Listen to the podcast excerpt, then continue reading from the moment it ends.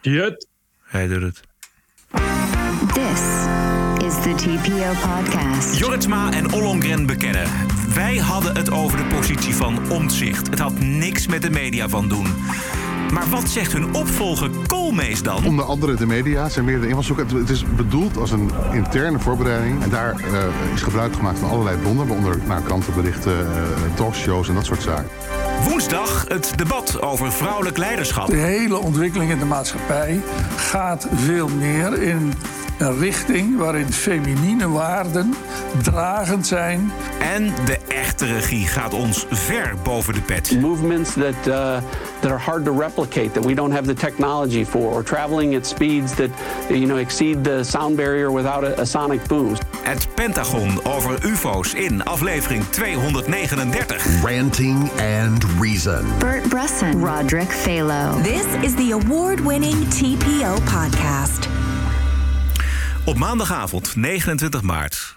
Goedenavond Bert. Ja, goedenavond. Eh, de tijd is verzet. Jij begint er steeds over. Wij hebben het hier in Nederland helemaal niet over. Het, is Wel, allemaal, het het- gaat ons wel. allemaal helemaal... In mij kan het geen zak schelen. Ik las ook dit weekend weer, zoals elk jaar het weekend voor de tijd wordt verzet, in de weekendcouranten. Ik, uitgebreide eh, verhalen Ja. over mensen die ernstig slachtoffer zijn geworden van de tijd die is verzet. Ja. Zelfs dit jaar was er zelfs een hele wetenschapper bijgehaald. Die vertelde wat een verschrikkelijke mensenrechten Ja, is het niet dezelfde wetenschapper als vorig jaar? Dat, gaat dat, zou, ieder, dat zou goed kunnen. ja. ieder jaar. is net als, de, net als de, de, de, de Nijmeegse Vierdaagse, die wordt ook altijd herhaald eigenlijk. Gewoon met dezelfde mensen, dezelfde reportages, maakt niet uit. Want het is toch ieder jaar hetzelfde. Oh, ja. en, en dit is Maar- ook ieder jaar hetzelfde. Maar jij begint er dan steeds zo. Ik denk, ja, wat, laten ze dat nou een keer overslaan. Nee, ik kan er niks aan doen. Want Nee. het is, eh, de media die, die, die, die doen dat. Die vinden dat heel belangrijk. En jij vindt het belangrijk om het nog eens een keer te herhalen. Ja, ik vind het wel, eh, wel goed. Ik vind het altijd leuk om nog even, even te benadrukken voor de mensen die dat dus echt heel erg vinden, dat de tijd is verzet. Het meest onzinnige wat je kan doen is je opwinden op dat de tijd wordt verzet. Dat is dus mooi om daar dan nog even over Ja. op te winden. Terwijl het vandaag een zo fantastische nieuwsdag was. Oh ja? Och man, heel veel nieuws rond de informatie en omzicht. Woensdag natuurlijk het grote debat in de Tweede Kamer. Nieuws was vandaag de brief van de verkenners Jorritsma en Ollongren... dat er over omzichtsfunctie elders en de onderhandelingsstijl van Wopke Hoekstra nog niet gesproken was met de fractievoorzitters. En dat de suggesties helemaal voor rekening komen van de verkenners Jorritsma en Ollongren. En we gaan het zo meteen ook nog hebben over die heerlijke brief, of het was bijna een column, van oud-VVD'er. Eh, hoe heet die? Eh VVD uit Oh. Geert Dales bedoel ik. Ja, ik weet Oh, niet, ja. die komt niet uit Limburg. Nee. nee. Geert Dales. Maar die had Ja. ook nog een fantastische brief. En het sluit allemaal zo mooi op elkaar aan. Tenminste, dat was een beetje mijn idee. Maar nou eerst eventjes naar, naar, die, naar, die, naar die brief... waarin dan ja, toch eigenlijk Jorritsma en Ollongren door het stof gaan. Vond je niet? Ja, ja, je moet toch, iemand moet toch de, de hitte nemen, nietwaar? Ja. Ik bedoel, eh, het is al zo clusterfuck, dat loopt uit de hand. Anders gier het uit klauwen. Nu zijn ze toch al weg. Dus ja, een beetje kleine moeite om dat dan even, even op je te nemen. zou Jij denkt zeggen. dat zij het op zich nemen, deze, deze ellende. N- Nou, eh, ofwel, ofwel het komt echt inderdaad bij hun vandaan. Ofwel niet, maar dan nemen zij het natuurlijk met gemak op zich. Ik bedoel, kijk, dat, bij hun is de, de schade het kleinst. Eh, Ja. ja, is wat lastiger als er weer een kabinet zou ik wel komt. zeggen, ja. En Ollongren wil je wat. Is een pijnlijk dingetje. Maar Jorritsma, ja, ik weet niet. Wat doet hij überhaupt? Die is voorzitter van een Nederlandse gemeente of zoiets? Nou, Of- nog of, niet, eh, niet meer volgens mij. Nee, die is al heel lang, eh, ja. weet ik, die is heel lang binnen en klaar. Zo, die kan Ja. het verder geen zak schelen. Eventjes over die, uit die brief van hun, eh, twee zinnen. Er zijn slechts twee mensen verantwoordelijk voor het bestaan en de inhoud van het memo. En dat zijn wij, zeggen zij, de ondertekenaars van deze brief, schrijven de twee oud-verkenners. Ze noemen de gang van zaken zeer ongepast en schrijven dat dit niet had mogen gebeuren. Ook hebben de oud-verkenners hun excuses aangeboden aan de Tweede Kamer. In de notitie werd onder meer CDA-Kamerlid Pieter Omtzigt genoemd met de woorden functie elders. Maar dat, dat is, denk ik, voor Ollongren nog wel pijnlijker dan voor Jorritsma. Ja, dat zeg ik. Ja. Ja, die Joritsma die, die denkt van... Kijk, het is natuurlijk een soort erebaantje. We Ja? zitten, eh, en die Joritsma, ja, die, die zit al heel lang niks te doen. En dan er zijn altijd van dat soort oude zakken... die mo- mogen dan eh, formeren of verkennen. Ja, prima. Ja, en Joritsma die, die, die kan zo... Die maakt sowieso al... Die breekt nog wel eens een vaatje Nou, hier en daar. precies. Dus die is daar wel gewend. Die zal er niet van wakker liggen. Maar ja. Ollongren is natuurlijk al een beetje een, be- een brekenbeentje. Natuurlijk al lange tijd weg. Met, met ziekteverlof en nu dit weer. Ja, dat is niet... eh, dat, ik weet niet of dat nou, eh, of dat nou allemaal, eh, allemaal zo lekker ligt straks. Nee, we zijn er nog lang niet over uitgesproken. Even over die media, want daar, het, was zo allemaal zo chaotisch de afgelopen dagen. Weet je wel, er werd dan gezegd, omheen gedraaid, voortdurend. Ja, we hebben inspiratie op gedaan. Of de, de, de media werden er doorheen gefietst. En Geen Ja. idee nog waarom, maar goed, dat, dat gebeurde steeds. Nu zeggen ze dus, allebei, media hebben er helemaal niks mee te maken. Indirect Oh, en- direct niet. Nee, helemaal nul. Het verandert wel met de dag, hè? Exact. Nee, maar goed, het, eh, laten we even uitgaan van, van deze waarheid. Dat, dat dat nu klopt vandaag, Ja. maandag, Ja. de 29e. Gaan we even terug naar vrijdag, afgelopen vrijdag. En dan hoorden we Wouter Koolmees, dat is namelijk de opvolger van deze twee dames. Die zei vrijdag dat de media nog wel degelijk een rol spelen. Luister. Onder andere de media zijn meerdere invalshoeken. Het- Het is bedoeld als een. eh, eh, zo hebben onze voorgangers het tegen ons verteld vandaag. Want we hebben daar natuurlijk uitgebreid mee gesproken. Het is bedoeld als een interne voorbereiding voor gesprekken met fractievoorzitters. Dit is niet bes- besproken, dit onderwerp, met de fractievoorzitters. Eh, ook niet in de één op één gesprekken, maar meer bedoeld als een voorbereidingsnotitie. En daar is gebruik gemaakt van allerlei bronnen, waaronder nou, krantenberichten, talkshows en dat soort zaken. Ja, dus twee mogelijkheden. Of die is voorgelogen door Jorritsma en Ollongren. O- Of hij staat hier zelf onzin te verkopen. Wel, wel, het is lekker gecommuniceerd in elk geval. Nou, Goed werk, mensen. Ja, lekker gedaan wel. Ja, maar Bert, wat, het- wat het leuke is, het is namelijk helemaal niet af met die oude verkenners. Want dit moet ook boven tafel. Want dit kan je als verkenner ook niet, als nieuwe verkenner, kun je dit niet verkopen aan de Kamer. Je bent ingesteld op de Kamer en je loopt er omheen Ja. te draaien en je verkoopt onzin. Althans, volgens de nieuwste verklaring van de oude verkenners. Dus Koolmees moet ook nog met de billen bloot. Koolmees moet ook zeggen. Ik heb dit zelf verzonnen of ik ben slecht voorgelicht, eh, voorgelogen door Ollongren en Jorritsma. Ja, wat ik niet snap is dat dit Koolmees zei dit vrijdag. Ja, En dan komen alsnog eh, Ollengren en Joritsma hiermee. Die hebben dan toch, toch die weten dan toch eh, dat Koolmees dat dan eerder heeft gezegd. ja, Nou, ja. ja precies. Dus, dus duwen ook gelijk maar even het karretje van Koolmees toch vast in de poep. Want nogmaals, voor, voor Joritsma, die, die, zal, eh, die zal het verder jeuken. Maar de, eh Ollengren, die- komt uit hetzelfde eh, kabinet, dezelfde partij, Ja. dezelfde fractie. Ja, ja. Die zullen dan toch wel daar contact over hebben gehad, zou je denken. Zou je denken, maar misschien ook niet. Jij- dat, misschien dat in alle consternatie, het vege lijf redden. Dat Ollongren heeft gedacht: nou ja, laten we gewoon zeggen. dit is het verhaal. Dit is nu ons officiële verhaal. Laten we even ervan Ja. uitgaan dat dat klopt. Ja. En Ja. nou, sorry voor Koolmees. Ja, en maar de, kijk, die Koolmees die, die wist natuurlijk niks. Die heeft natuurlijk maar wat on- zich onder druk gevoeld, ge- eh, gevoeld geze- gezet gevoeld. En hij is dus maar wat gaan vertellen. Dat is natuurlijk een beetje, beetje het probleem. Nou, kijk, het, het was wel degelijk onderdeel. Die media, die was onderdeel van eh, het verhaal. Wat, Ja, wat ontstond ja. na die foto. Dus hij, of hij praat maar wat eh, na. Of hij zegt namelijk. Ja, dat dus. Ja, maar- hij, hij, hij babbelt maar wat na, wat hij Ja. mee heeft gekregen. Maar hij dat zegt, is domme. Dat klopt. Maar hij zegt ook: we hebben ons laten informeren door Jorritsma en Ollongren. Wat normaal is, want je volgt deze, deze mensen op samen met eh, Tamara van Ark van de VVD. Dus je laat je voorlichten. En dat zegt hij dan ook nog eens een keer in deze quote: we hebben ons laten voorlichten. En dan gaat hij weer, Oh, op, ja, dan gaat hij weer herhalen dat het eh, om de media draaide. En dat blijkt dus helemaal niet te kloppen vandaag. Wat wij natuurlijk allemaal al met z'n allen dachten. Maar dit, dit is dus ook iets wat Wouter Koolmees nog helder moet krijgen met, eh, met de Tweede Kamer, met ons, met de bevolking en met de media. Ja, dit gaat dus nog wel even door. Dan Ja. zit er eigenlijk weer in precies hetzelfde Ja, schuitje. precies wel. Ja. Dankzij, dankzij Koolmees. Die dus, als zich, ja, je gaat je toch afvragen. Hij, heeft zich, hij zegt dus letterlijk: Ik heb me laten voorlichten door mijn voorgangers. Dan zou je denken dat ze dat op vrijdag ook al wisten. Ja. Dus hebben ze hem daar kennelijk buiten gelaten. Ze hebben hem gewoon, gewoon buiten de droge gangen laten spartelen. Ze zijn vandaag of gisteren, eh, eh, gisteravond samengekomen met... laten we dit maar als verklaring geven. Exact. Waarvan we natuurlijk niet de waarheidswaarde erkennen. Maar het klinkt, klinkt redelijk waar. Weet je, ik bedoel. Ja, nou ja, we hebben ook alleen maar gezien dat het een notitie was.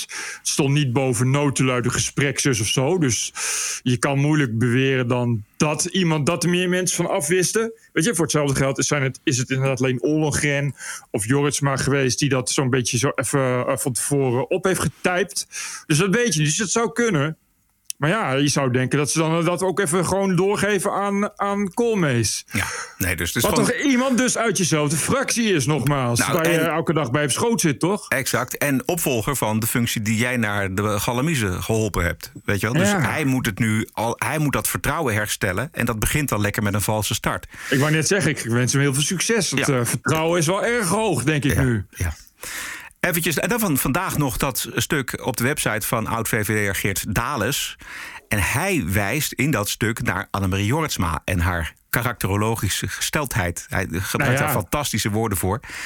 Ehm, hij zegt, ja, die, die laat zich wel vaker zo uit over mensen. Het niets Precies. ontziende doorpakken, het gebrekkige democratische bewustzijn en treurniswekkende decorumverlies. Ja.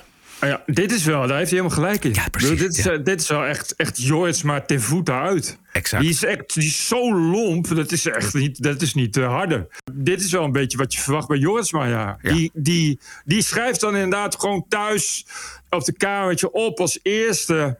eh eh omzicht functie elders. Dus ook, denk ik, als je in het hoofd van Joris maar kijkt... onder het kopje omzicht... Ja. Sta, krijg je dat te zien. Ja. Dat is voor haar een soort zo'n vervelende CDA-lastpak boeien weg. Ja. Dat is een beetje, een beetje Ja. het idee, denk ik. Ja, en het zou best nog kunnen dat ze dat buiten Rutte om heeft gedaan. Zij heeft dat. Zij is, Exact. zij is zo'n dame die denkt van, nou, weet je wel, dat, dat ergert me enorm die omzicht en we kunnen die, we zijn die man beter eh, kwijt dan rijk. Precies, precies. Dus die gaat er nog eens een keer. eh, maar die vraag of Rutte er vanaf wist, eh, dat komt ook allemaal nog ter sprake. Ja, die blijft natuurlijk wel staan nou. Ja, nog even over Jorritsma. Want eh, zoals jij zegt, inderdaad, we kennen die karakterologische gesteldheid en het gebrekkige democratische bewustzijn van deze mevrouw. En die kennen we nog wel uit een tijd dat Jorritsma inderdaad burgemeester van Almere was. Juist. Eh, zij heeft eh, toen ooit op haar eigen houtje eh, beslist welke pers nou welkom was Ja, en welke niet. Het vastzetten van kentekenplaten. Daar ging het op de bijeenkomst over.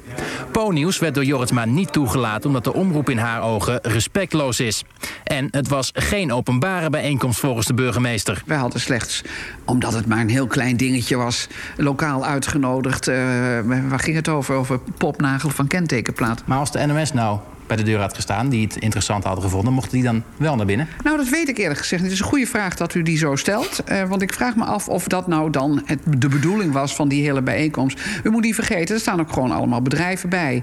Eh, die mensen moeten dan ook maar plotseling het professionele gedrag vertonen om daar allemaal mee om te gaan. Dus dat weet ik gewoon niet. Wat Jorritsma vandaag door veel mensen kwalijk wordt genomen, is dat zij dus bepaalt of journalisten ergens welkom zijn. Nee, ik maak soms de keuze, dat klopt. De burgemeester houdt zich dan ook aan haar beleid om Po-nieuws te weren. Ja, dit was Omroep Flevoland in 2013 Geweldig. volgens mij. Ja. Ja.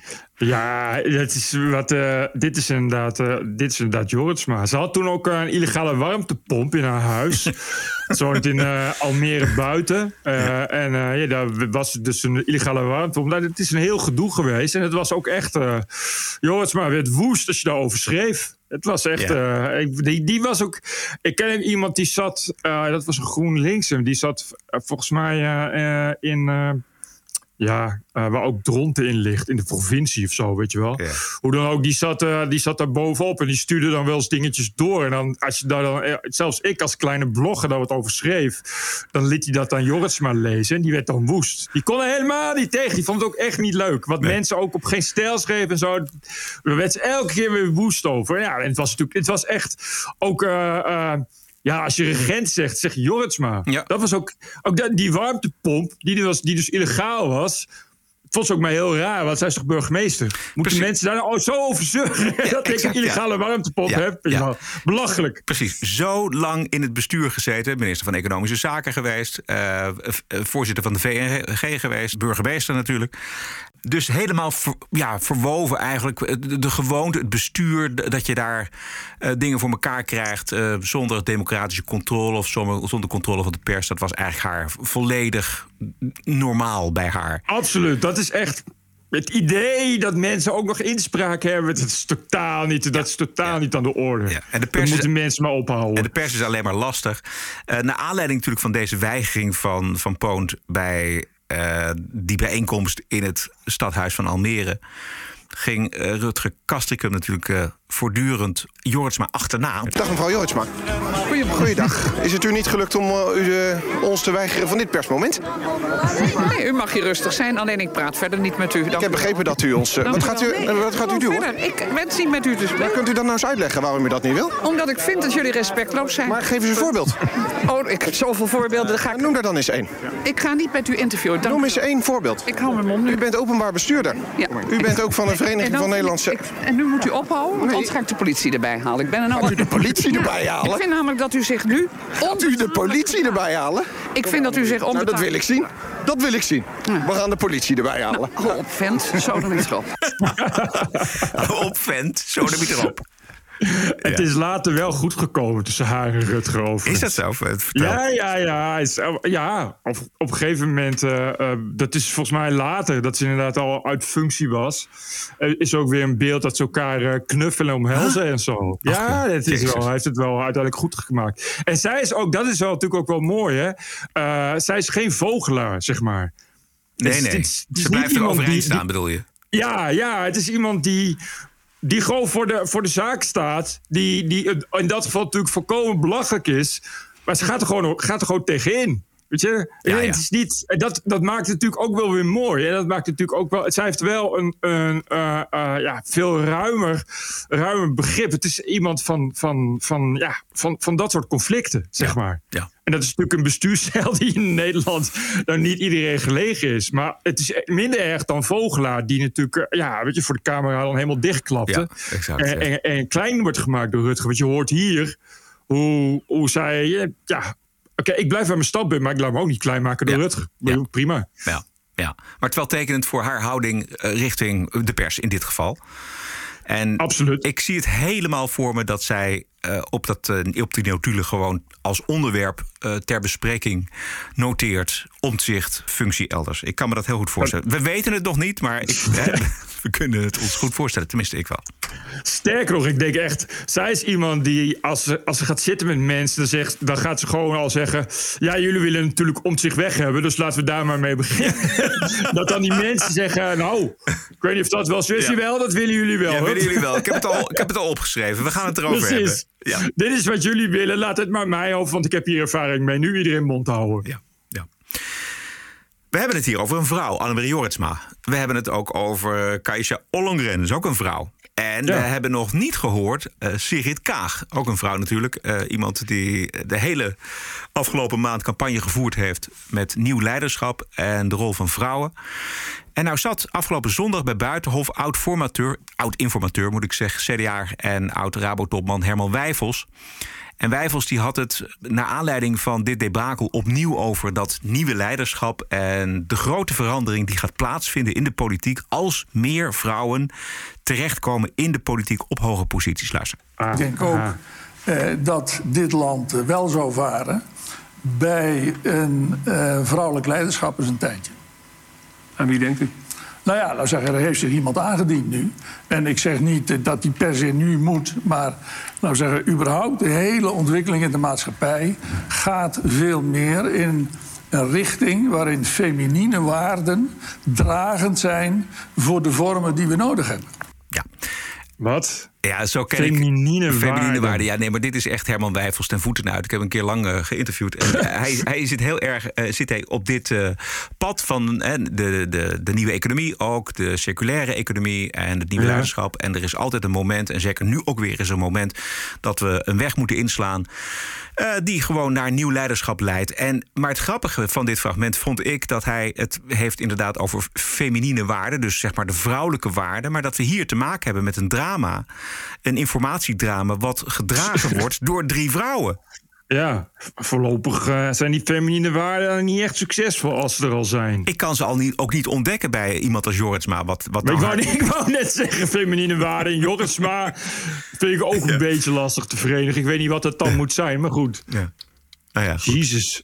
Ik begrijp niet eh, wat, wat wij vast bedoelt verder. Wat kijk, wij- feminine waarden. Wat, Ja, eh, dat zijn- je- je- ja, wat is dat dan? Nou ja, dat zijn dus vrouwelijke waarden dat je niet altijd maar eh, haantjesgedrag vertoont. Dat dat naar de achtergrond verdwijnt.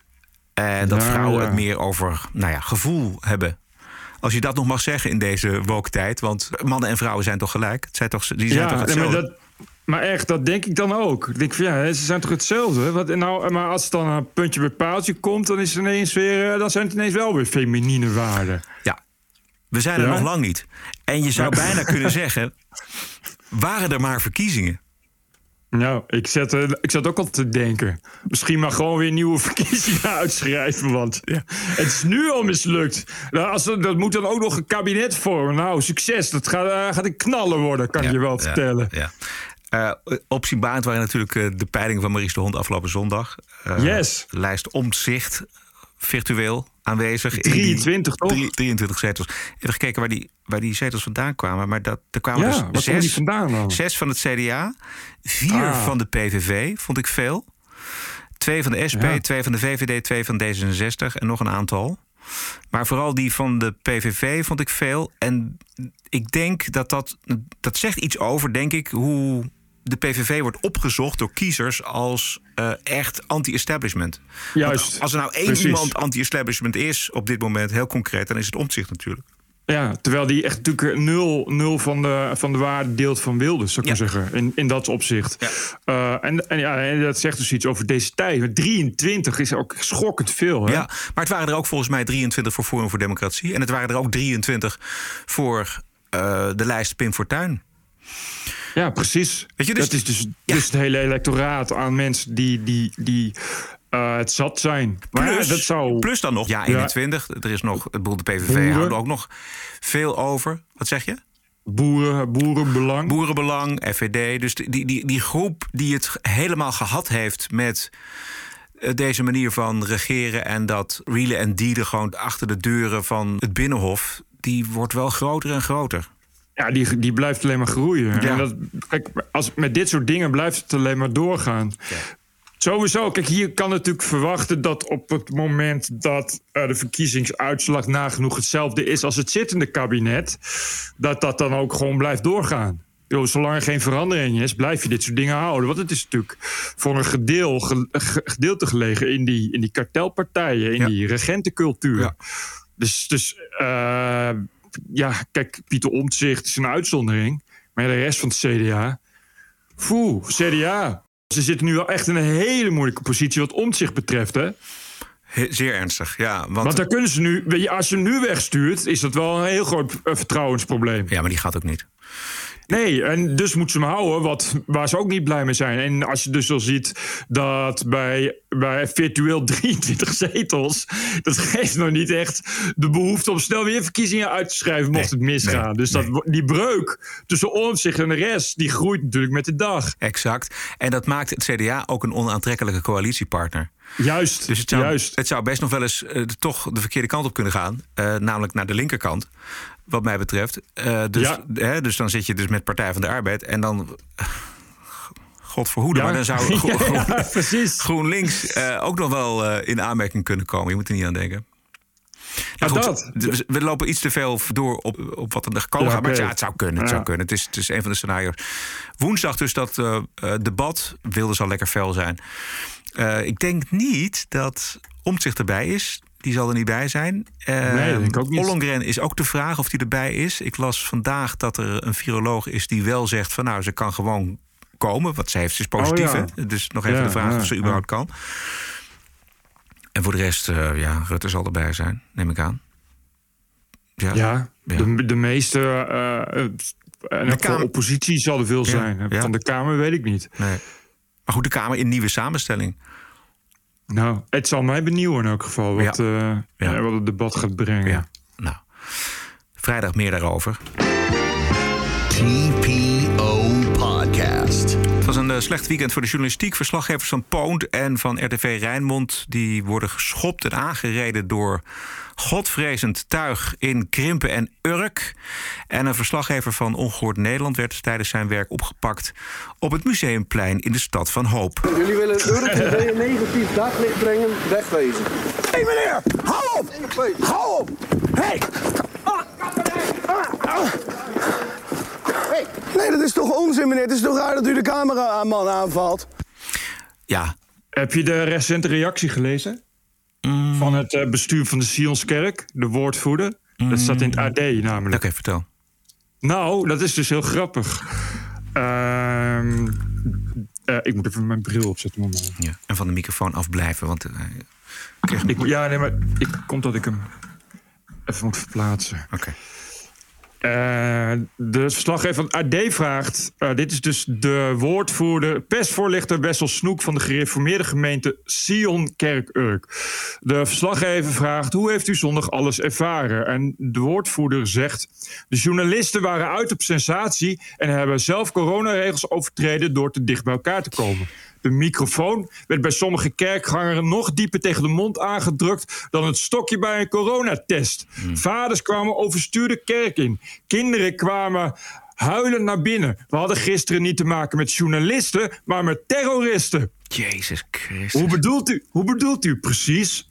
De journalisten waren een stelletje randebielen en gingen over alle grenzen heen. Een stuk of dertig man stond voor onze hoofdingang en een paar zijn zelfs op ons terrein gekomen. De ingang werd geblokkeerd en daardoor hadden mensen niet voldoende ruimte om naar binnen te gaan. En nu komt het. Hier komt, hier komt de kikker. Ook waren journalisten agressief richting mensen en werden achter de mensen aangerend. Als je een camera voor je neus krijgt, raak je in paniek. Here it comes. De SS handelde vriendelijker in de oorlog dan de journalisten. Dit meen je niet, Bert. Ja, het staat zwart op wit. Dit is nogmaals letterlijk het letterlijk citaat van Wessel Snoek van de gereformeerde Sionkerk uit Urk. De SS handelde vriendelijker in de oorlog dan de journalisten. Oh, zo de mieters. Uh, even kijken, is er nog meer leuke dingen in? Pff, is er, hij vraagt dus ook persvrijheid in Nederland, hoe zit dat? Uh, ja, ze hadden toch ook 30 meter verderop kunnen staan met telelenzen. even kijken. Oh ja, onze kerkgangers valt niets te verwijten. Onze kerkgangers hebben geen mensen aangevallen. We mogen volgens de grondwet bij elkaar komen in de kerk. We overwegen om aangifte te doen voor bedreiging, belediging en intimidatie. Misschien wel tegen de hele club journalisten die er was. Vooral die kerel van Pauwnet moet zich kapot schamen. Als ik het voor het zeggen had, had ik die omroep vandaag nog opgeheven. Zo, zeg, dit moet even gevolgen Leuk, hebben. hè? Een kerk! Waar denk je aan als als je een kerk voor je ziet? Ja toch niet ja, nee, maar ik vergelijkingen met de SS. Onvoorstelbaar. De andere kerk op Urk die zeggen eigenlijk uh, uh, unaniem van dit kan echt niet. Uh, wat, een beetje, wat een beetje verwacht dat je, dat je zegt. Gelukkig de burgemeester van Urk zegt inderdaad geweld tegen, tegen media is onacceptabel. Uh, hij zegt wel dat uh, ja, inwoners zich onheus bejegend voelen. Ja, weet je, die beelden ook, die politie stond er gewoon bij en die keken gewoon naar. Die Mark, die zei van, ja, moet je niet, moet je niet uh, nummerborden noteren ja, of zo? Ja. Moet, je niet, moet je niet iets doen? En dan zegt de politie achteraf, ja, het is de-escalerend optreden. Nee, gedul, gedul. De-escalerend optreden, Amahula. Je, nee, je gaat toch ook niet als iemand een bank overvalt en je ziet het gebeuren, zeg oh ja, ik doe niks, want de-escalerend optreden, we ja. pakken hem later wel op. Kom op, zeg. En je zag ook die vent die, die, die, vent die in die BMW kwam aanrijden, die um, uh, Mark voor zijn uh, voeten reed, gewoon echt doorreed. Uh, en die, er stond de politieagent bij. En, die stond er gewoon naast. Uh, maar ja, die, die agent zit natuurlijk zelf ook in de kerk. Dus die is ja. bang dat die, uh, dat die ouderling over de stoep krijgt. Of hij is familie van die mensen. Wat natuurlijk goed kan op Urk. Maar ik geloof er geen reet van dat het alleen maar te maken heeft met deescalerend optreden. Het zag er meer uit als één agent die niet in zijn eentje durft. Tegen, tegen de mensen die hij natuurlijk wel half-half kent. Dat lijkt me iets heel anders. Maar dat kan gewoon echt niet. Nee, je die... moet daar als journalist zeker weten dat die politie ook iets voor je, voor je doet. Tuurlijk. De agressie die daaruit voortkomt, man, is onvoorstelbaar. Ja. Zijn dat nou christenen? En vervolgens lekker eh, in de kerk de zegen van de Heer even, even opsoeperen. Goeie genade. Dat kan toch niet? Ik vind echt... Ja, maar ik had ervan geëld, had ik eronder die, die topics gezet. eh, leuk man, naaste liefde. En dan krijg je christenen die dan boos worden. Die zeggen, nou, toch niet alle christenen hebben met naaste liefde te maken. Ja, vind je het gek? Wat denk je waar mensen aan denken als je het over christenen hebt... die, die, die samenhorig in de kerk zitten? Toch niet aan geweldplegers is het wel? Weet je, dat, dat, eh, het, het, het Urk wat altijd zo, eh, zo, zo deugt als het gaat om goede doelen. en weet ik van wat. Dit, dit, dit, dit soort beelden zijn toch absurd, man? Je kan, hoeft toch niet. Ik snap dat gewoon. Ik snap wel dat je, eh, dat je, dat je als, zeker als gereformeerde kerkganger, waar je, waar je toch al het idee hebt natuurlijk dat je altijd het bokje bent in de media, want ze lachen je toch altijd een beetje uit met je hoekje en je zwarte kousen. Snap ik wel. En er stonden nog tien cameraploegen. Snap ik ook dat je dat vervelend vindt. Bovendien, eh, iedereen in die kerk weet dat ze bewust de regels overtreden. En alle andere kerken zijn daar niet blij mee. Sterker nog, niemand is er blij mee. Dus ze weten al dat ze gebeten hond zijn. Nou, hoe- dan ga je toch niet, gaat er niet iemand En dan vervolgens loop je je kerk in. Je denkt dat toch ook aan de rest van je kerk. Hoe moet dat afstralen? Weet je, hoe moeten die, kerk, die mensen van de kerk zich voelen? Als jij daar als, als vaste kerkbezoeker even lekker, eh, eh, lekker onder het oog van de camera en de politie. eh, want het was ook echt. Het was wel ook een groepje, groepje jongeren. Hè? Eentje had ook zo'n camouflagejek Ja. aan. En die ging ook de hele tijd dreigend rond. Ja. Dat je denkt, wat de fuck, hè? Gezellig plekje, dat Urk zo. Ja. Maar ik krimp aan de IJssel, verslaggever van, eh van eh, TV Rijnmond. Die Rijnmond, ja. Gewoon van achteren werd belaagd ook. Ja, Die, die stond daar gewoon. Ja, het, was ook helemaal niet... Ja, ze stelde gewoon vragen. Het was helemaal niks, niks, niks bijzonders. Ik vind het helemaal niet... Ja, hoezo sensatie zoeken? Je gaat willens en wetens in een kerk zitten... waarvan je weet dat het waarschijnlijk een superspread event is. En alle andere horeca en kerken en bedrijven in Nederland doen ook allemaal hun best. Ja, tuurlijk komen er dan verslaggevers op af. Is dat zo raar? Dan hoef je toch niet, niet te gaan belagen? Ja, nou, we kunnen het ook nog eh, hebben over... eh, ah, nee, Zeg maar. Nee, nee, die directeur van het debatinstituut, Roderick van Grieken. Oh, ja. Die dan zegt, ja, die media hebben het aan zichzelf te danken. Want wat zij doen is eigenlijk ook geweld. Weet je, ja, echt, sla je toch je hoofd tegen Ja. touwen van wat lees ik, wat lees ik, wat lees ik hier in godsnaam. Maar het is ook een beetje, en dat proef je ook bij die eh, mediatrainer die jij nog hebt aangehaald, die Martijn de Graaf, die dan zegt van geweld is ten alle tijde onacceptabel. Maar laten we Maar- alsjeblieft stoppen met pound-journalisten als journalisten. Ja, ja, ja, ja, ja, ja, ja, ja. Dat is echt, die Roderick van Grieken is, is die Pownet is zo geen stijl. Zo, dat- mag niet. Dat mag gewoon niet. Het moet worden afgeschaft. Dat kan gewoon niet.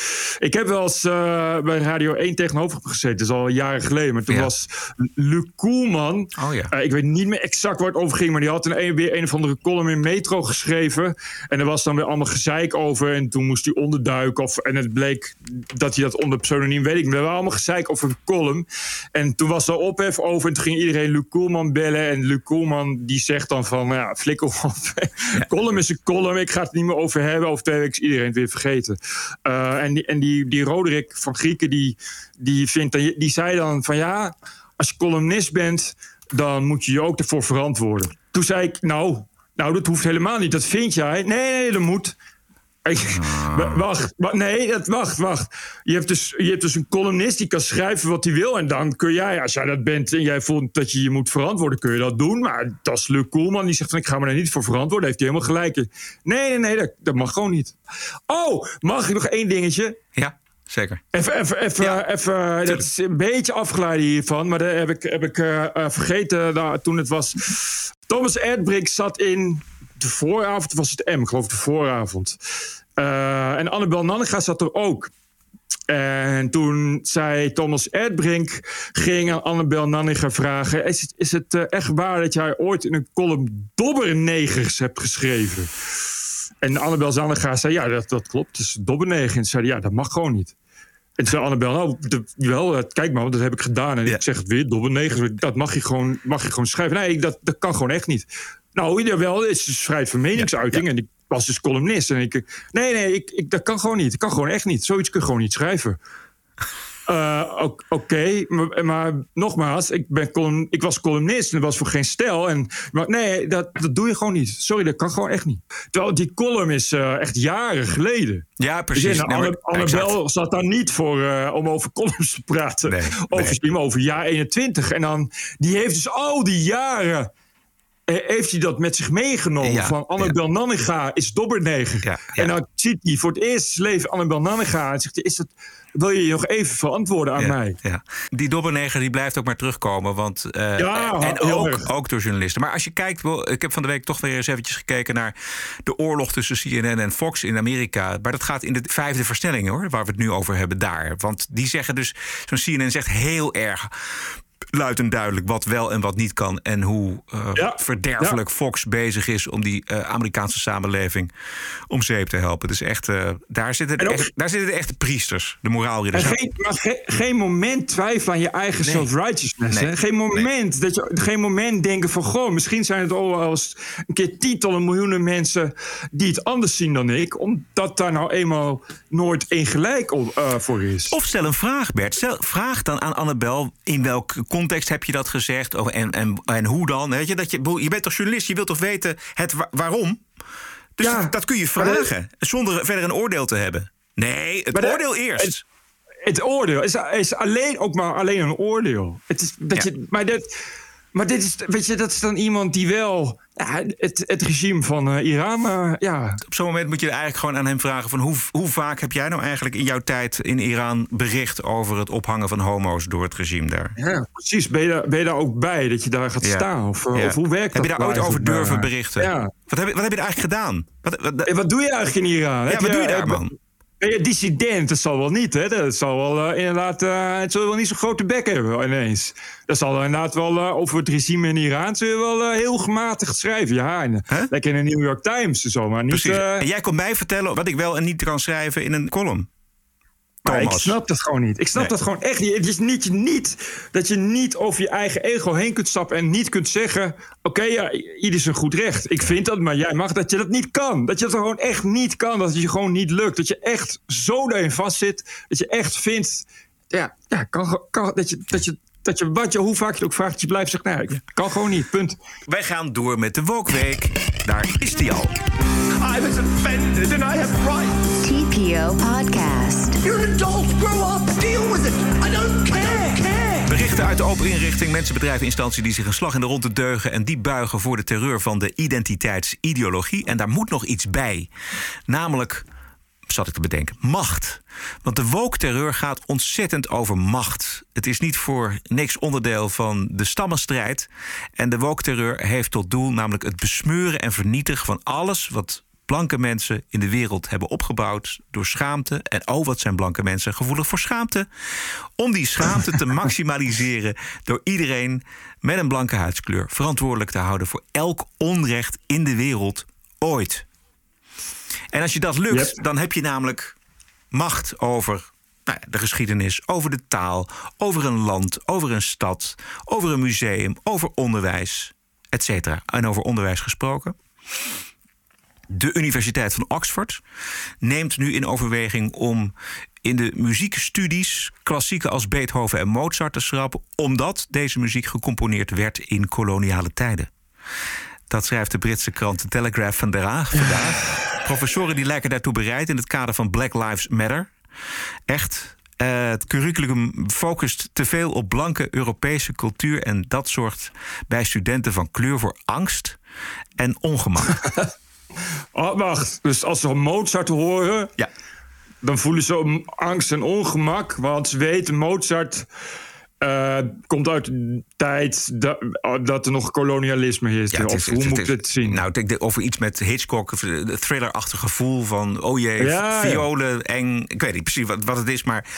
eh, Goh. ja, dit was de Universiteit van Oxford. Nou, beter is misschien dan om gewoon alle klassieke muziek dan maar eh, in de band te doen. Want je, gaat er toch een beetje toch in, alle, in alle muziek dan horen. Hè?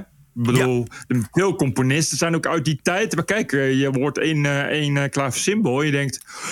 Mozart! Maar ja, kan ook een klaversymbol van Bach zijn, weet jij veel. Dus daar laten we helemaal... Misschien gewoon eh, die muziek is een beetje... ja, kan eigenlijk niet, hè? Het is racisme. Als, je, als er geen link is met de koloniale tijd... dan nog heeft het een link met de koloniale tijd. Hè, ik weet niet, er zal vast een, een componist zijn geweest... die ergens opgesloten in zijn kamertje... fantastische dingen gecomponeerd heeft... en helemaal niet in contact met de buitenwereld gestaan heeft... overleden is en op een gegeven moment werden zijn werken gevonden... En toen bleek het, toen bleek het hij, hij was helemaal geïsoleerd, maar ze bleken toch geschreven en gecomponeerd te zijn in de koloniale tijd. Ja, oké. Nee, dan, ja, ik, ik, ik zeg je, het beste is het om meteen maar korte metten te maken. Ja. Gewoon klassieke muziek, gewoon hoppakee. Oh, eh, was, het, eh, was het iets met de microfoon of van we gaan naar de volgende? We gaan naar de volgende en die is van Bert. Ah, ja. Ken jij eh, de Avengers? Dat is, zijn, zijn superhelden, zijn dat. Gewoon Captain America en, Oh, dat zijn- Iron Man en zo. Ja. Dat, Ja. en de Avengers die worden geleid door Tony Stark. Tony Stark die is een multimiljardair en die heeft het Iron Man pak uitgevonden. Dit is eh, natuurlijk allemaal fictief, begrijp je. Anyway, eh, nou, er was dus eh, een, een eh, fictieve eh, aflevering van, eh, van het fictieve bedrijf MCU. Dat is dan waar Tony Stark dan de baas van is. Anyway, en daaruit blijkt dat die Avengers... die krijgen dus niet betaald door Tony Stark. Ik zeg nogmaals, bij de Avengers zijn fictief... en Tony Stark is dus ook fictief. Anyway, de Avengers krijgen dus niet betaald van Tony Stark... wat zo ongeveer hetzelfde is te zeggen... Darth Vader heeft nog nooit de, de stormtroopers betaald. Weet je, oké, leuk, leuk insightje voor, voor de liefhebbers. Eh, nu komt het. Nu zijn er dus mensen die willen Tony Stark cancelen. Wat niet kan, want het is een fictief personage. Ja, ja, ja. ja, ja. En wat de, argumentatie is dat, dat, dat, hij, dat hij te gierig is. Want Slavernij. Slavernij. Slavernij. Slavernij. De, de Avengers, deze superhelden dus, die worden gewoon uitgebuit door Tony Stark, die een miljardair is. Ongelijkheid, begrijp je? Dus nu moet Tony Stark worden gecanceld. Ja. En, Fictief, ja. En hoe wordt daarop gereageerd? Want Dat is, vind ik altijd. De, de tweede vers is nog wel belangrijker dan het eerste. Nou, eigenlijk. gelukkig eh, hilarisch. Oké, goed. Vooral, al- vooral mensen die uitleggen dat je eh, eh, niet echte karakters niet kunt, kunt cancelen. Eh, en, en dat je het een beetje belachelijk is om iemand te willen cancelen die gewoon eh, eh, wat alleen maar een fictief karakter is. Ja. Nou ja, kijk, als je naar de sensitivity readers eh, gaat kijken, dat zal vast Ja. eh, wel een opdracht voor ze worden de komende tijd. Ik ben eh, benieuwd hoe, hoe al deze mensen dit de komende tijden gaan doorkomen. Want dit is toch nieuw als je ook fictieve karakters moet. Als je ook fictieve karakters langs de woke-meetlaat moet gaan houden. Dan, knetters, ja. dan belooft, het, eh, belooft dat nog wel wat. Maar goed, we hebben de vorige keer ook al gezien dat tekenfilms, cartoons. Zijn eigenlijk ook al, eh, ook al eh, kwetsend. Eh, en rape culture zo. Dus die moeten ook worden verboden. Dus het is niet zo heel gek om, om ook nu in de fictieve wereld mensen verantwoordelijk te gaan houden. voor een racistische, aanstootgevende rape, seksisme gedrag en zo. Oké. Jij mag, jij mag de volgende Ik mag doen. de volgende doen. Microagressie van Wopke Hoekstra in het programma De Vooravond richting een mij onbekend talent en superego Defano Holwijn. Hij is eh, presentator, rapper en acteur en stond vrijdag in het Parool met een interview. En in dat interview zegt hij dat hij het vervelend vond dat Hoekstra hem in de vooravond geen Defano, maar Stefano noemde. En dat gebeurde, dat gebeurde zo. Maar Stefano, het is het eerlijke antwoord. Stefano, dit is het eerlijke antwoord. En hij heet Defano. En hij heet Defano. Defano corrigeerde. Hoekstra. Dat had ik trouwens ook gedaan. Maar Stefano, het is het eerlijke antwoord. Ik kan het Nee, nee, nee, snap niet ik, mooier snap ik, snap. Maar het, het is het, het, Defano trouwens. Juist. Ja, prima. Ja, En een week eerder ging het bij RTL Nieuws ook al mis. Toen werd hij aangekondigd als Delano. En dan kun je, vraagt de, het, het parool vraagt dan, is dat toeval? En Holwijn zegt dan, ik weet zeker van niet. Het is een vorm van microagressie waar veel mensen van Och, kleur mee te maken hebben. Ik snap dat er mensen zijn die Oh, denken, oh, ach joh, dat is toch niet erg als iemand een keer zich verspreekt. Maar het is niet één keer, het gebeurde mij twee keer in één week. Het is microagressie. Ja. Terwijl, laten we nog eens eventjes luisteren naar die, die, die, die leuke chat tussen Hoekstra en Defano. Maar Stefano, het is het eerlijke antwoord. Ik kan het Nee, nee, nee, kan niet snap ik, mooier snap ik, maken dan snap het ik. Maar het, het is het, het, het Defano trouwens. Maar, Defano, maakt niet uit, maakt niet uit. Hoor je? Wat zegt hij nou? Hij zegt, maakt niet uit, maakt niet uit. Maakt niet uit, maakt niet uit. Maakt niet uit. Maakt niet uit. Dan, maakt niet het, is, het is al te laat. Microagressie echt heel snel. Het is echt in een, ook in een microseconde. Ja. En bam, zit het binnenin je. Ja. En dan, dan helpt geen Ramsey Nassen nog om, om je beter te voelen. Dan ben je, ben je gewoon weg. Onderdrukt door de blank mens. Ben je dan. Dat vervelende, dat kan ik goed begrijpen. Dat, dat ben ik met hem eens. Het is echt vervelend als je, als je naam verkeerd wordt uitgesproken. Maar ja, denk je, ja, god, weet je wel. de- als je hem dan zo verbetert, vind ik eigenlijk prima. Zo'n hoekstra, weet je wel. Ja. Dat je even zegt, dit en dat, zus en zo. En dat is ook heel netjes dat je dan zegt, ja, het maakt mij niet zoveel uit. Maar om dan eh, een paar dagen later in het parool te huilen over dat het een kwestie van microagressie is... en dat het vooral mensen van kleur overkomt... nou, dat is echt niet waar. Nee, mijn eh volledige naam is Bertram.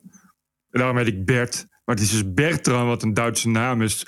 Die het worden uitgesproken als Bertram. Ja! Eh, en eh, toen ik klein was, heette ik nog geen Bert, maar gewoon Bertram. En dat is voor vrijwel niemand goed uit te spreken in één keer. Bertram was echt Bertrand, Woefdram, Bertram. Het, het lukte gewoon nooit iemand tot één. Dus, dus ik weet hoe dat is. Ja, vanaf het moment dat ik op televisie was, ben, is het eh, vooral Roderick ge- eh, geworden. Maar eh, ik was heel lang voor een hoop mensen afwisselend Roderick en Diederik. Mensen- Diederik konden mensen, konden mensen gewoon niet onthouden. Diederik. En mijn vriendin, Oh, heet, Jezus, ja. mijn vriendin heet Angeline. En die wordt consequent Angelique Mhm. genoemd. Ik wou net zeggen, dat is al. eh, Dat, dat is echt. eh, als, je, als je inderdaad. Ja, nee, maar dit. Ja. Dus laten we Maar Delano, laten we Delano geruststellen. Het heeft heel, echt helemaal niks te maken met Nico-agressie. En overkomt heus niet alleen mensen van kleur. Nou, ik, ben, eh, ik wist dus niet dat microagressie was. Maar ik ben blij dat ik dat nu weet. Dan kan ik dat voortaan ook gebruiken. Ik denk dat ik dan wel als slachtoffer in een weekendeditie van Volkskrant terecht kan een keer. Next! Je hebt in Australië. Heb je een eh, heel populair ijsje. Een soort, eh, een soort eh, Magnum Almond. En dan van eh, goud kleurig. Eh, en die heet dan ook Golden Gate Time. Nou, je voelt hem wel aankomen, hè, denk ik. Golden Gay Time. Golden Gay Time. Dus je raadt het nooit. Iemand uit de LGBTQIA community is een petitie begonnen tegen het ijsje Golden Gay Time. Want de nou, term gay mag niet. Weet je van wie dat ijsje, eh, door wie dat ijsje wordt geproduceerd? Unilever. Door Unilever! Dus weten we de uitkomst ook meteen. Ja, dat, vond ik, eh, dat, dat leek mij dus ook. Ja, die gaan om.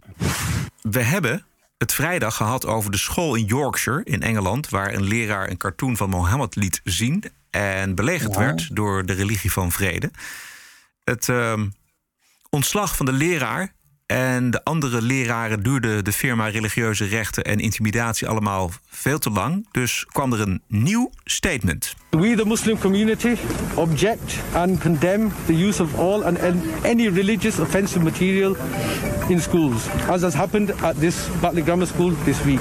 We do not accept that the school has taken this issue seriously, given that it has taken them four days to merely suspend only one of the teachers involved. The incident from Monday, 22nd of March, must also be investigated from a criminal perspective. Yes.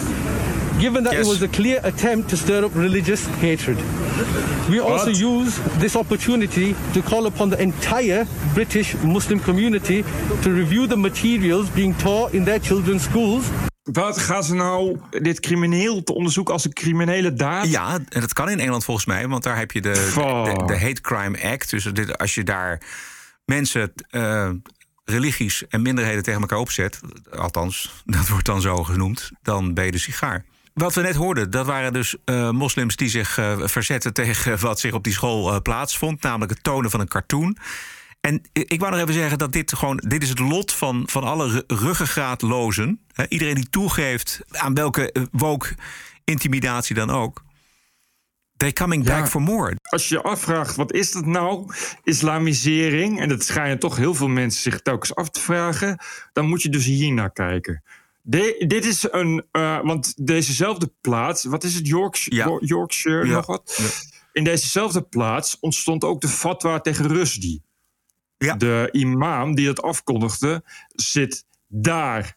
Eh, in de jaren tachtig was er iemand die eh, een boek schreef, of een pamflet of een essay, ik weet niet helemaal exact wat het was, waarin die waarschuwde dat als je eh, de groei van, van islam zo laat doorgaan en, en niet zorgt voor goede integratie, dat dat op den duur ernstige problemen ook voor je vrijheid gaat opleveren.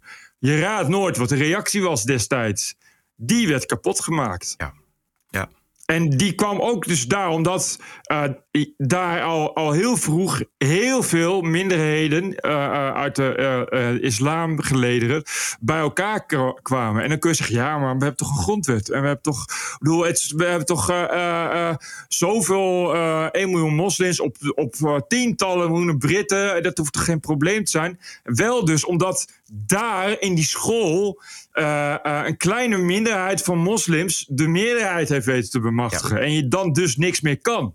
Dat hoor je dus nu. Bedoel... Ja, precies. En omdat er dus niet is tegen opgetreden. Er is, er is geen ruggengraat getoond. Er is niet gezegd op een gegeven moment tegen die gasten... tot hier en niet verder. Omdat je geen nee zegt, wordt het alleen maar erger. Dit is hoe het gaat. Ja. Dit is hoe in Yorkshire de, uh, de, de vrijheid van meningsuiting morsdood is. Ja. Want ja, dit gaat dus... Ja, die school heeft toch gezegd, sorry, we gaan het eruit halen? Of uh, hoe zit dat? Nou, ze hebben, we gaan het eruit halen, hebben ze ook gedaan. Maar ze waren dus niet ja. tevreden met dat statement. En er moet nu niet één leraar ontslagen worden. Hè, dat, dat eisen ze. Nee, dan moeten er een stuk of vier moeten er weg. En, nou. dus, en dat krijgen ze misschien allemaal voor elkaar. Het religieuze tuig. Nou, zeker. Uh, in, in Parijs hebben ze destijds ook voor elkaar gekregen. Er gingen twaalf redacteuren van, het, van Charlie Hebdo weg. Ja. Dus dat is nooit een probleem. Als het uh, van de islam moet, dan gaat het altijd wel weg. Ja. Het is wel een beetje wrang dat je inderdaad uh, een vrijheid van meningsuiting hebt. En je dus gewoon op je school, die verder niet op islamitische leest is geschoeid, uh, de mogelijkheid moet hebben om aan je kinderen te kunnen laten zien wat dat precies betekent. Vrijheid van meningsuiting ja. en vrijheid van expressie. En dat die er dus, dus per heden effectief niet meer is in Yorkshire exact. en in uh, andere gedeeltes van Groot-Brittannië. Je ziet hoe groot het verschil nu is tussen de aanpak in Frankrijk door Macron en het, het gedogen in Groot-Brittannië. Terwijl daar ook natuurlijk een, Yep. een conservatieve eh, regering zit. Maar dit is heel duidelijk het verschil. Het is of de ene weg of de andere weg. En ik zou uh, met hart en ziel kiezen voor de weg van Macron en zeggen van tot hier en niet verder. Dit is onze samenleving, dit zijn onze waarden. Eén van die waarden zijn dat je mag bespotten, dat de vrijheid van meningsuiting er is. En daar hebben jullie aan aan te passen. Ja. En wij niet aan jullie. Maar er schijnt niks te gebeuren. Ik heb het ook van niet meegekregen dat. Uh, is er politiek al een reactie op überhaupt? Heb ik niet gelezen. Nee, ik nee. ook niet. Ik vind het allemaal uh, verbijsterend. Ja. Ik verbaas me echt hoe makkelijk dit gaat. Maar, maar zo gaat het dus. Dit is dus islamisering. We hebben het voorspeld in Nederland toen uh, El Forkani van de Blauwe Moskee ineens vond dat de azaan moest klinken de gebedsoproep op vrijdag versterkt. Want het is heel belangrijk dat je zoiets versterkt doet. Uh, waarop er heel veel kritiek komt. En als dan heel veel kritiek op komt, dan zegt ze: Dit is islamofobie en nu word ik bedreigd door jullie kritiek. Ik zei toen al: uh, je gaat zien dat nu ook andere moskeeën in Nederland ook een azaan willen laten horen op vrijdag. En jou hoor, en niet geheel toevallig in vooral de meest christelijke dorpen en steden... zijn nu ineens imams die de azaan gaan laten horen op vrijdag. Ook al wonen er nul moslims die op die azaan moeten gaan reageren... en wonen in de omgeving van de moskee alleen maar christenen die daarover kragen. Ja. Wat zegt die imam dan? Hé, hey, vrijheid van godsdienst... Jullie, jullie, willen islam in Nederland, dus moeten jullie dit maar accepteren. Ik heb vrijheid van godsdienst, ik mag dit doen. En als ik dit niet mag doen, is het islamofobie. Ja. En als jullie de hele tijd daar vragen over blijven stellen, dan, maken jullie, dan zorgen jullie ervoor dat moslims een mikpunt worden. Dus klinkt er nu in die steden een azaan, bijvoorbeeld in Zwolle. Uh, ik geloof dat er ergens, ergens in Krimp aan de IJssel, waar echt heel veel gereformeerden worden, er is ook ineens een moskee die dat gaat doen. En zo breidt het zich uit. Terwijl er wonen toch maar 1 miljoen moslims in Nederland. Wat kan er nou gebeuren? Dat heeft zo'n vaart niet. Ja, exact. Sharon Osbourne is deze week vertrokken bij haar tv-programma. Oh, ja, ja, we hebben het eerder over gehad. De ruzie met uh, een co-host uh, over haar vriendschap met Piers Morgan. Die van racisme beschuldigd werd door de co-host. Omdat hij Meghan Markle niet geloofde in haar interview met Oprah. Ook excuses aangeboden. Excuses, voor wat? Voor niks. Excuses, excuses, excuses. I apologize to anyone of color that I offended or to anyone that feels confused or let down by what I said. En dit is wat ze zei. I feel even like uh, I'm about to be put in the electric chair because I have a friend who many people think is a racist, so that makes me a racist. And for me, at 68 years of age, to have to turn around and say, I ain't racist. What's it got to do with me? How can I be racist about anybody or anything in my life? How can I? Well, well, well, I well what? Dit is een vrouw op leeftijd die opkomt voor zichzelf in haar eigen programma, waar ze al tien jaar aan werkt. En nu weggepest wordt, eruit gepest wordt. Althans, ze voelt de, de noodzaak om te vertrekken. En CBS, die het programma uitzendt, die eh, vindt het eh, blijkbaar prima om haar te laten vertrekken. Wat, ik, maar wat zegt ze voor kwetsend dan? Nee, niks. Ze zegt. Het, ik voelde. Het, ze helemaal zegt niks kwetsend. Nee, er is, ze zegt niks kwetsend. Helemaal niets. We gaan door. Want eh, wij zijn eh, een podcast zonder subsidie en zonder commerciële invloed. De TPO-podcast is onafhankelijk geluid en bestaat dankzij jouw donaties. Ranting and Reason. Bert en ik hadden gisteren, of vorige week, eh, vrijdag, een beetje een geschilletje. En daar is ongelooflijk veel op gereageerd. Eh, en daar hebben ook weer mensen gedoneerd deze week. Gelukkig, want daar eh, bestaan wij van. En zo kan de TPO-podcast doorgang vinden. Oké, nou dan gaan we. Ja. Stefan uit Herugewaard. Beste Roderick en Bert, ik luister nu ongeveer een paar maanden met veel genoegen. Ik heb 53 euro overgemaakt omdat ik jullie podcast, podcast meer dan welkom geluid vind. Ga zo door, groeten Stefan uit Herugewaard. Top, Stefan. Eh, eens even kijken. Chris en Ilona. Eh, wat Bert zegt is zeker plausibel. Uitsluiten kun je het zeker niet. Eh, je rent maakt onze da- dag goed direct 50 euro overgemaakt. Eh, groetjes, Chris en Ilona. Eens even kijken. Mark. Beste Bert en Roderick. Bert prima opdreven en durft zijn gevoel over politiek in Nederland uit te spreken. Heel goed, dank jullie wel. 10 euro voor deze podcast alleen. Succes, Mark. Te gek, Mark, dank je. Eh, ja, Arnoud, Arnoud heeft een iets langer verhaal. Ik zou inderdaad even. eh, ik heb de beste Bert en Roderick. Ik heb de podcast van vandaag geluisterd. Alleen het gedeelte over omzicht nog. Ik schrok ook, net als Roderick, van Bert's uitbarsting. Maar hij raakte wel een snaar bij mij. En ik heb direct gedoneerd. Ehm, ik hoop dat men weer gaat inzien dat integriteit geen luxe is, maar noodzakelijk. Met vriendelijke groet, Arnoud. Mooi, Arnoud. Is helemaal waar. Eh, ja, Jaap, beste Bert en Roderick. Wauw, wat een heftige podcast was dit. En complimenten dat jullie hem ook hebben uitgezonden. Of je nu in het kamp Bert of het kamp Roderick zit, dit was een van de beste, heftigste en indrukwekkende podcasts ooit. Ik ben al donateur, maar ik maak nu direct extra 60 euro over. Ik ben erg blij met het eerlijke geluid. Jullie geluid mag simpelweg niet meer weggaan. Groet Jaap. Dank Jaap. Thierry, niet Thierry Baudet, maar Thierry. Thierry, goedendag Bert en Roderick. Zojuist een rondje 52 euro overgemaakt naar de rent van Betje. Eh, ik ben zelf al tijden, een jaar of tien, het vertrouwen in het goede van de politiek kwijt. Ik kan me dus goed aansluiten bij de woede van Bert. Ik luister een kleine twee jaar naar de show en kan jullie werk enorm waarderen. Dus zo nu en dan doe ik eens doneren. Gaaf dat de show ook te vinden is op podcasting 2.0. Met vriendelijke groet Thierry vanuit Peeland. Oh, eh, dat is Zeeland, bedoelt hij daarmee. Bedankt Thierry. Dus even kijken. Eh Egidius. Wat een naam, Egidius. Mooie naam, Ja, mooie naam, ja. Die zal ook al verkeer- vaak worden verkeerd worden uitgesproken. Beste Bert en Roderick, nu Bert zelfs onderbroeken begint te verkopen en de financiële nood zo hoog lijkt, vind ik het nodig om een jaarlijkse contributie van 104 euro nu maar alvast over te maken in plaats van in december. Ik luister elke dinsdag en vrijdag met veel plezier en vooral de Woke-week en de wekelijkse wonderlijke wereldvreemde wappie samenstelling van woke en waanzin laat me elke week in verbijstering achter.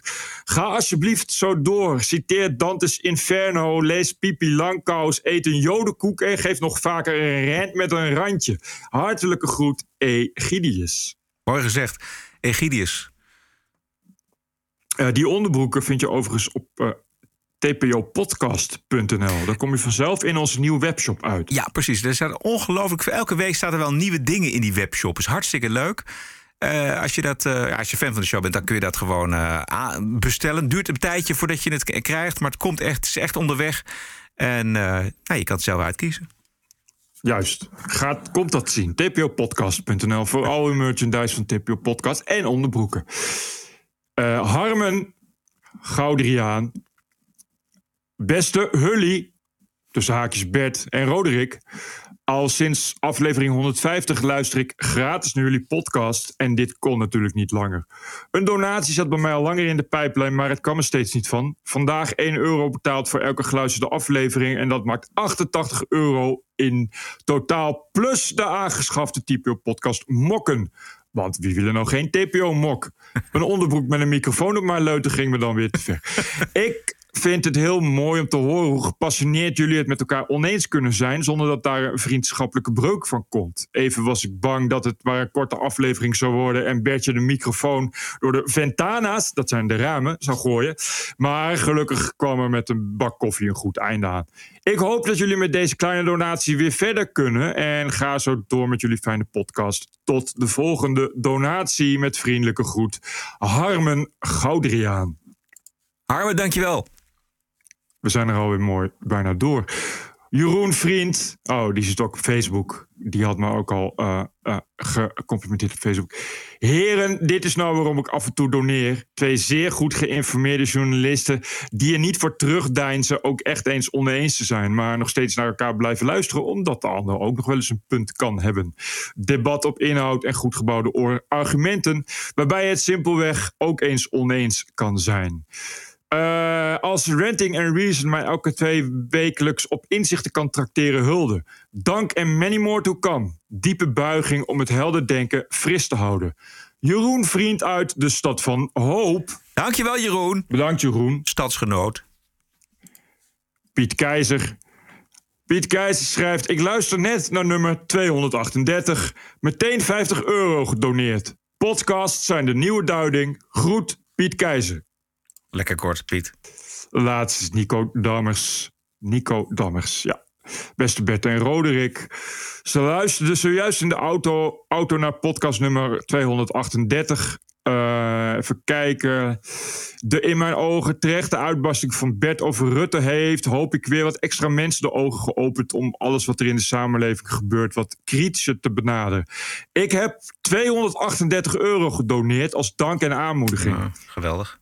Mensen, ben uit bij allemaal wie en wat je wilt zijn, maar wees alsjeblieft een beetje kritisch en stel af en toe wat vragen. Met vriendelijke groet, Nico Dammers.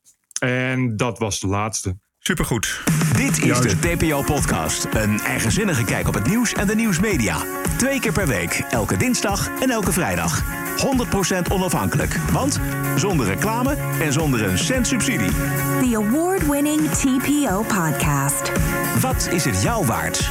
Een euro per aflevering, 104 euro per jaar of kies zelf een bedrag. Waardeer en doneer op tpo.nl slash podcast. De TPO-podcast. Wat is het je waard? En hartelijk dank. TPO Podcast. Ladies and gentlemen, the President-elect of the United States. This is CNN breaking news. We have never, ever, ever, ever failed in America. It's an incredible way of putting it. Telling the truth matters. It's an incredible way of putting it. This is a Russian intelligence disinformation campaign. Why isn't Joe Biden angrier about all of this? How stupid can you be? This is a classic example of the right wing media machine. It just lacks credibility. Go ahead. Wat zich op dit moment afspeelt aan die Amerikaanse zuidgrens met Mexico is het voorbeeld van rampzalig communiceren. Joe Biden heeft zo hard lopen roepen dat hij het allemaal anders zou doen dan Trump. En hij was nog geen dag president of de immigratiestroom kwam op gang. En de toeloop is zo groot inmiddels dat nu opvangcentra in gebruik worden genomen die onder Trump werden gebruikt en waar de Democraten schande van spraken. En om dat aan te tonen, om wat, eh, is er een verslaggever die is aan het filmen in zo'n centrum. Maar daar wordt hij gehinderd tijdens het filmen. So you work for the commissioner, your senior advisor. You were hired two weeks ago, and you're instructed to ask us to not have any pictures taken here. Please respect the people, because the the political rules. leadership at DHS does not want the American people to know it. Please respect the You rules, keep sir. standing in, in front of the pictures, so Please you don't want the pictures taken. Het loopt dus helemaal uit de hand daar in het zuiden van Amerika. En nu, Biden heeft de, vier jaar lang geroepen dat het schandalig is hoe Trump bezig was om die grens af te sluiten. Het signaal te geven aan mensen in Midden-Amerika van kom niet naar de Verenigde Staten, want dat willen we niet. Nou, ja, op het moment dat dat wordt opgeheven, dat er een nieuwe president is, krijgen we alle ellende van begin af aan krijgen we opnieuw. En dat begrijp ik dan weer niet, Bert. Waarom progressieve politici dat niet doorhebben. Dat hebben ze wel door. Ja, ze, denken, ze, ja. laten, ze laten het alleen niet weten dat ze het doorhebben. Dat is weer wat anders. Oh. Ja, natuurlijk.